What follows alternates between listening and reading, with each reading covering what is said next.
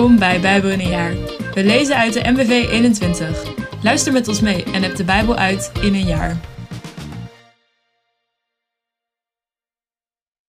Een hele goede morgen allemaal. Welkom weer bij een nieuwe aflevering van de podcast Bijbel in een jaar. Ik ben Josephine.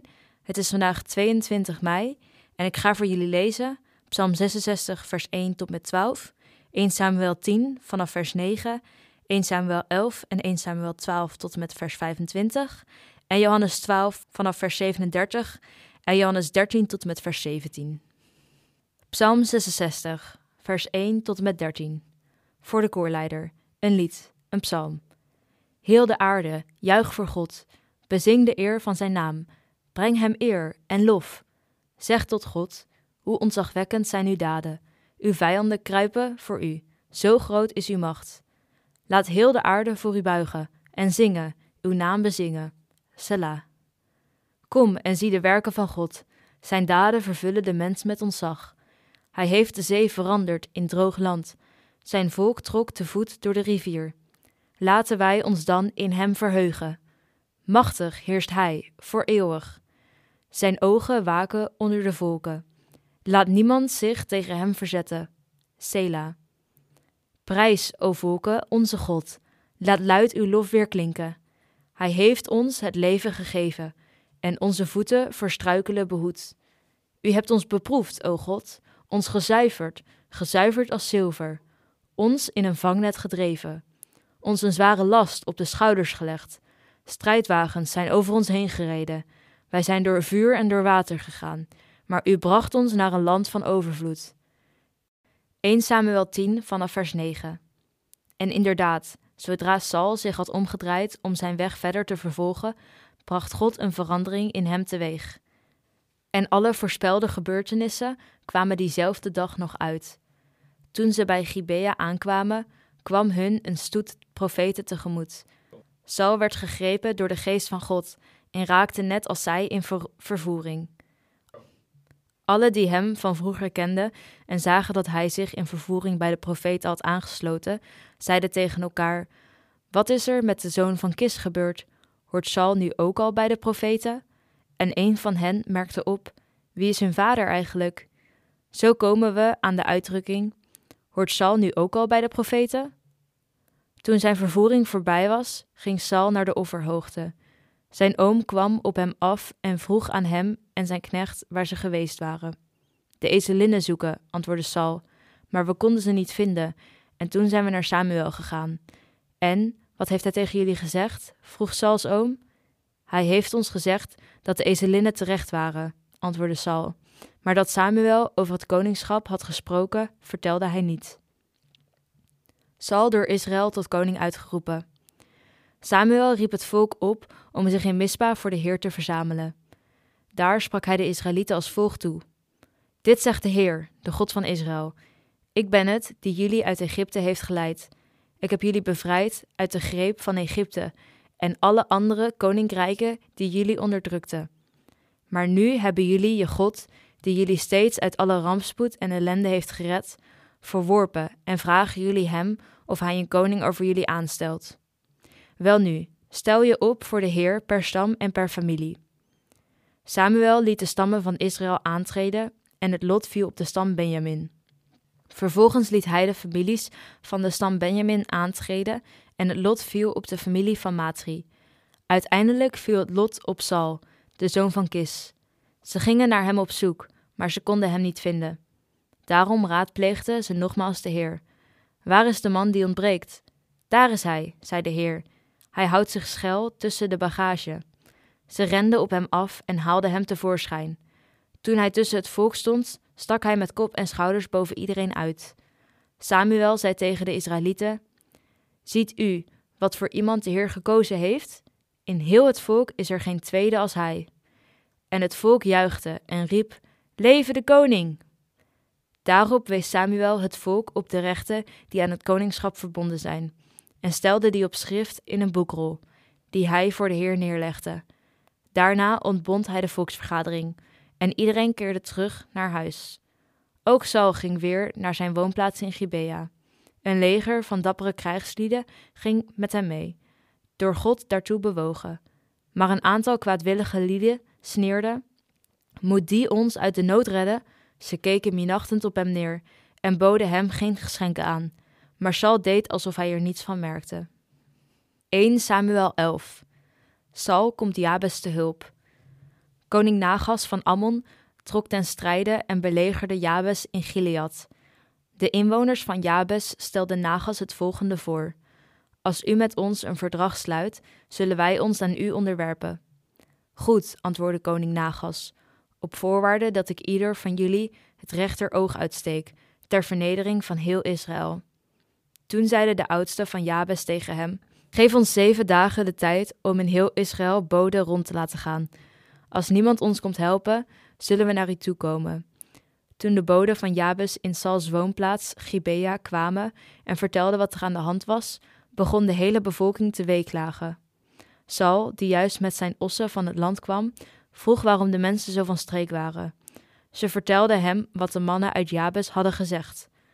Toen hij dat hoorde, werd hij gegrepen door de geest van God en ontstak hij in hevige woede. Hij greep een span ossen en hieuw de dieren aan stukken. Hij gaf de stukken vlees aan de bode mee en liet in heel Israël rondzeggen: Zo zal het de runderen vergaan van ieder die niet met Saul en Samuel ten strijde trekt. Beducht voor de Heer trokken de Israëlieten als één man ten strijde. In Bezek monsterde Saul de troepen. Er waren 300.000 Israëlieten en 30.000 Judeërs. Aan de bode werd het volgende bericht meegegeven. Zeg tegen de bevolking van Jabes in Gilead dat ze morgen op het heetst van de dag zullen worden ontzet. De inwoners van Jabes waren zeer opgelucht bij het horen van deze boodschap. Tegen Nagas zeiden ze: Morgen komen we naar u toe, dan kunt u met ons doen wat u goeddunkt. De volgende morgen verdeelde Saul het leger in drie eenheden. Tijdens de morgenwaken vielen ze het kamp binnen en tot aan het middaguur leverden ze slag met de Ammonieten.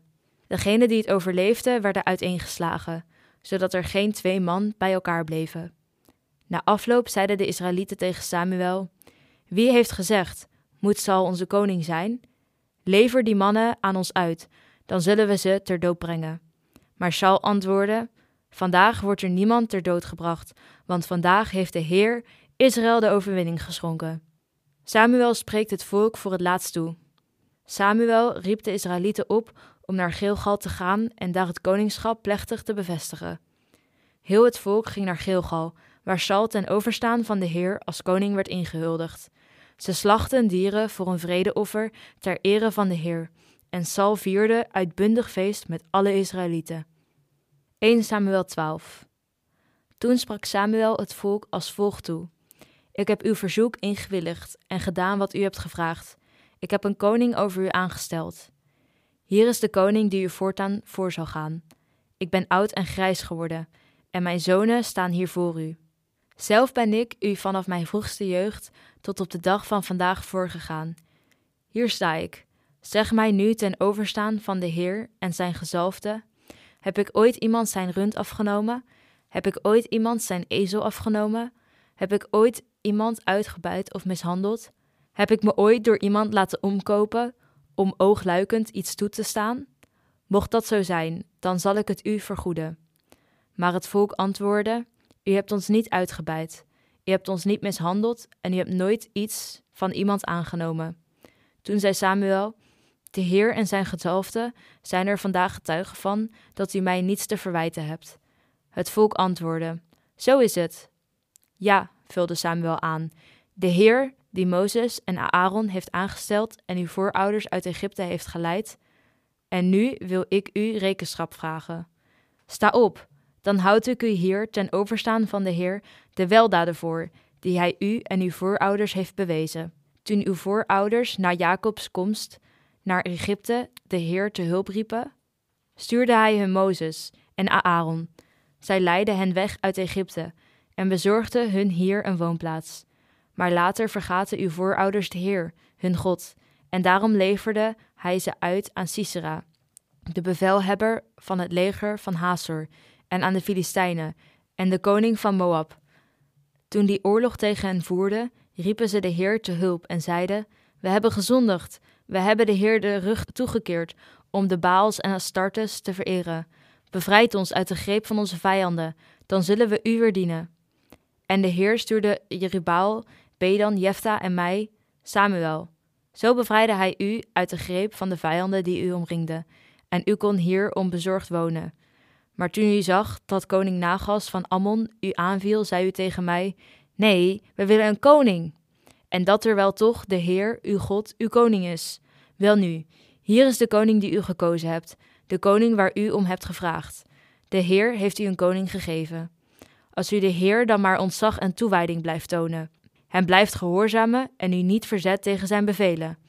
Als u en de koning die over u is aangesteld, de Heer uw God, dan maar trouw blijven. Maar als u de Heer niet gehoorzaamt en u tegen zijn bevelen verzet, zal hij zich tegen u keren, zoals hij zich ook tegen uw voorouders heeft gekeerd. Blijf staan en wees getuige van het wonder dat de Heer voor uw ogen gaat verrichten. Het is toch de tijd van de tarweoogst? Ik zal de Heer aanroepen en hij zal het laten onweren en regenen. Dan zult u eindelijk inzien dat de Heer het volstrekt ontoelaatbaar vindt dat u om een koning hebt gevraagd. Samuel riep de Heer aan, en meteen liet de Heer het onweren en regenen, zodat het volk vervuld werd van angst voor de Heer en Samuel. Ze vroegen Samuel: Bid voor ons, uw dienaren, tot de Heer, uw God, dat we niet hoeven te sterven, want we hebben opnieuw ernstig gezondigd door om een koning te vragen. Ook al hebt u gezondigd, antwoordde Samuel, u hoeft niet bang te zijn, zolang u de Heer maar trouw blijft en hem dient met heel je hart.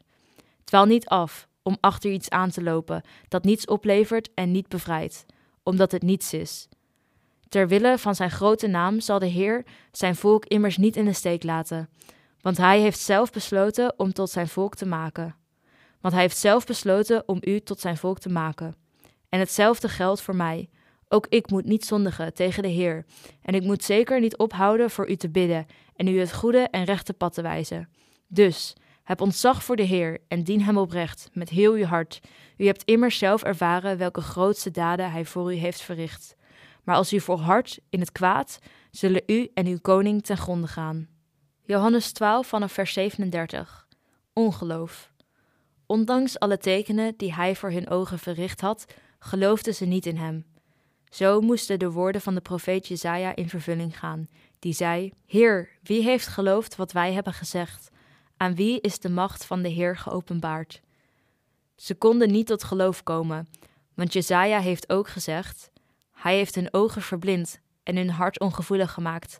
Anders zouden zij met hun ogen zien en met hun hart begrijpen. Ze zouden op hun scheden terugkeren en ik zou hen genezen.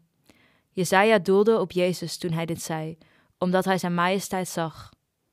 Toch waren er ook veel leiders die wel in hem geloofden, maar vanwege de fariseeën kwamen ze daar niet openlijk voor uit, omdat ze niet uit de synagoge gezet wilden worden. Ze stelden meer prijs op de eer van mensen dan op de eer van God. Jezus had luid en duidelijk gezegd: Wie in mij gelooft, gelooft niet in mij, maar in hem die mij gezonden heeft. En wie mij ziet, ziet hem die mij gezonden heeft. Ik ben het licht dat naar de wereld is gekomen, opdat iedereen die in mij gelooft niet langer in de duisternis blijft. Als iemand mijn woorden hoort, maar ze niet bewaart, zal ik niet over hem oordelen. Ik ben immers niet gekomen om over de wereld te oordelen, maar om de wereld te redden.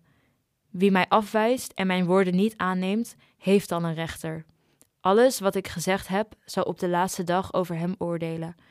Ik heb niet namens mezelf gesproken, maar de Vader die mij gezonden heeft, heeft me opgedragen wat ik moest zeggen en hoe ik moest spreken.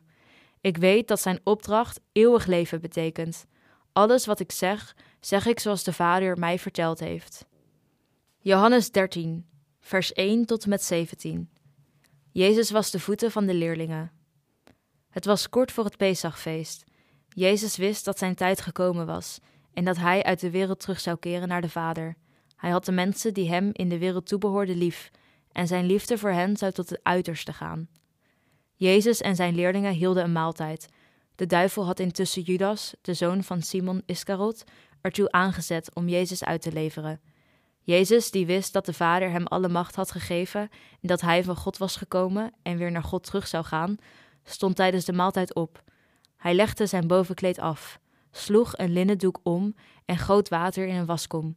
Hij begon de voeten van zijn leerlingen te wassen en droogde ze af met de doek die hij omgeslagen had.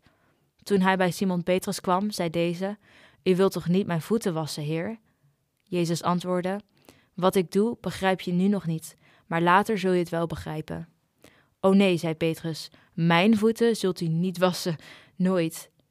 Jezus zei: Als ik ze niet mag wassen, kun je niet bij mij horen. Dan niet alleen mijn voeten, Heer, antwoordde Simon Petrus, maar ook mijn handen en mijn hoofd. Hierop zei Jezus: Wie gebaat heeft, hoeft alleen nog zijn voeten te wassen. Hij is al helemaal rein. Jullie zijn dus rein, maar niet allemaal. Hij wist namelijk wie hem zou uitleveren. Daarom zei hij dat ze niet allemaal rein waren. Toen hij hun voeten gewassen had, deed hij zijn bovenkleed aan en ging weer naar zijn plaats. Begrijpen jullie wat ik gedaan heb? vroeg hij. Jullie zeggen altijd meester en heer tegen mij, en terecht, want dat ben ik ook. Als ik, jullie heer en jullie meester, je voeten gewassen heb, moet je ook elkaars voeten wassen. Ik heb een voorbeeld gegeven. Wat ik voor jullie heb gedaan, moeten jullie ook doen. Werkelijk, ik verzeker jullie: een slaaf is niet meer dan zijn meester, en een afgezant niet meer dan wie hem zendt. Je zult gelukkig zijn als je dit niet alleen begrijpt, maar er ook naar handelt. Dat was hem. Wat een prachtig verhaal. Als Jezus, onze Heer en Meester, ons de voeten wast, dan mogen wij dat ook bij de ander doen. Supermooi. Ik hoop je daarmee gezegend te hebben en ik wens je nog een hele mooie dag.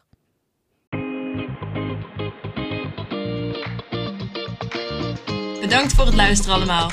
Nog een gezegende dag en tot morgen.